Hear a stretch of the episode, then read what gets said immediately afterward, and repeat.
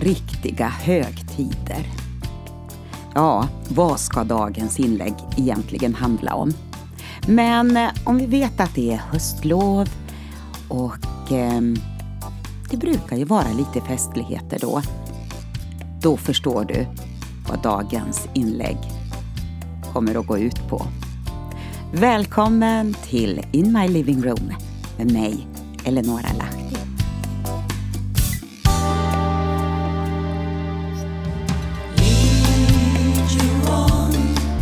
Jag vilar och njuter på en ö i Medelhavet under lovet. Och jag undrar, vad handlar dessa märkliga höstdagar om egentligen? Så många ytterligheter i uttryck med olika åsikter som gör att det är svårt att se vad som förenar. Annat än att det är höstlov. Eller ska vi nu kalla det för läslov?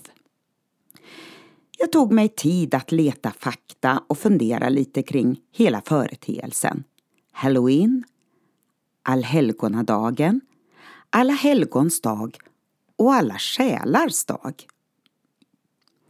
Vi är många som ifrågasätter halloween till exempel med alla dess uttryck. Och listan kan egentligen göras lite längre angående andra högtider också. Ja, vi har påskharar och ägg, jultomte och julgranar, midsommarstång och så vidare. Och vi anpassar oss och myser till det med ett och annat när dessa högtider är i antågande. För eh, inte kan vi väl tänka oss en jul utan gran? Även om vi innerst inne kan ifrågasätta varifrån det härrör. Ja, jag vill ta en liknelse. Även om den är lite långsökt. Kanske har vi något i vår kropp som inte känns bra. Till exempel huvudvärk, ledvärk eller kanske allergi. Och vi kan acceptera det hela och fortsätta vidare. För eh, på något märkligt sätt kan vi vänja oss med det hela. Eller så stoppar vi i oss värktabletter eller astmamedicin för att få stopp på eländet. Eller så funderar vi på roten på problemet och kan kanske ha möjlighet till förändringar i livsstilen. Det märkliga är att bibliska högtider har förvrängts eller försvunnit i den tidiga kristna kyrkan. Eller så har man lagt till det som aldrig var tänkt skulle finnas med. Tillsammans med de första lärjungarna skulle ju vi som hedningar få del av det judiska arvet och att Gud sände sin son till världen för att frälsa världen. Då handlar det bland annat om de högtider som jag har skrivit tidigare också som man kan hitta i min blogg under rubriken högtider. Det här året när jag skrev så var det den 4 november och det året kallades då för den femtonde dagen i åttonde månaden. Ges, ja, vad säger man? Chesvan, tror jag man säger, enligt den judiska almanackan. Mm. Det är, och lyssna nu, det är en dag som omnämns i Första Kungaboken 12 för omkring 2700 år sedan och blev något utav en imitationshögtid i Nordriket Israel. En avfällig kung, Jerobeam, gjorde allt för att säkra sin makt i Nord Nordriket genom att tillverka två guldkalvar som skulle representera den gud som ledde dem ut ur Egypten. Och inte skulle man behöva gå till Jerusalem för att offra Nej, det var alldeles för besvärligt. Så instiftade han en fest i Betel under hösten på en dag, och det, var så det, det är så det står, på en dag som han själv valde. Och han avskilde präster som inte var leviter. Och festen den skulle motsvara den årliga högtiden i Jerusalem och detta blev orsaken till att folket förleddes att synda mot Herren. Det var nästan inget som blev rätt där. Det var guldkalvar, betel, egna präster och ett eget datum för en egen fest. Och så har vi denna dag, alla helgons dag. Ja, det är också en påhittad högtid. En dag som man själv har valt. Katolska traditioner från 700-talet firar allhelgonadagen 1 november som en minnesdag för de redan frälsta döda helgonen. Kvällen innan var All Hallows Eve, allhelgonaafton, som numera kallas Halloween. Och dagen efter, då är det alla själars dag, 2 november, när man ber för avlidna anhörigas frälsning. Och eh, det är här skärselden kommer in.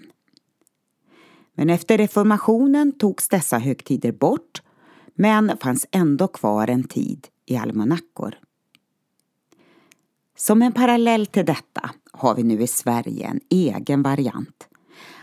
Allhelgonadagen, det är hos oss Alla helgons dag och det är lördagen mellan den 31 oktober och 6 november. Där förebilder av helgon ska väcka oss till heligt liv i tro och gärning. Så sägs det.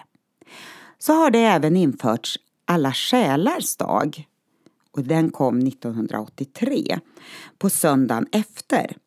En minnesdag över våra döda närstående. Det som togs bort efter reformationen. Men nu med en liten variant. Inget fel att minnas, men jag kan ändå känna, mm, ändå. Ur allt detta har vi fått en tragisk blandning av allsköns andlighet. Vi pyntar till det hela och gör det bästa av situationen. Som en medicin, för att det ska kännas bra. Men vad är roten till hela problematiken egentligen? Och eh, kan vi göra någonting åt det? Vi har tillåtit en avfällig kyrka diktera våra traditioner. En kyrka som avsagt sig så mycket av sin judiska kontext att man tappat kursen och det blir precis som för Jerobeam. Man vill hålla kontrollen över folket, finna andra vägar i tillbedjan, insätta en institution av prästerskap och inrätta egna högtider. medan Gud talar i sitt ord om sina avtalade högtider. Vårhögtiderna, påsk och pingst, har fått sin fullbordan medan hösthögtiderna med basunhögtiden, Jom Kippur och Sukkot väntar på sin fullbordan. I vår tid är det ditåt vi ska rikta våra blickar. Vi har under några århundraden sett stora väckelser bryta fram. Det är flera olika uppenbarelser från ordet som fick en större sprängkraft och en större förståelse av Guds ord bröt fram. I Romarbrevet 11 och 11 står det Kanske snavade de för att de skulle falla. Visst inte, men när de föll blev det till räddning för hedningarna för att detta skulle sporra deras egen avund. Kanske ett litet märkligt ord, men Bibeln den talar om att det ska ske en märklig väckelse bland det judiska folket i den sista tiden. En, vad ska vi kalla det för, avundsjuka ska väckas till liv och de ser Jesus som sin Messias.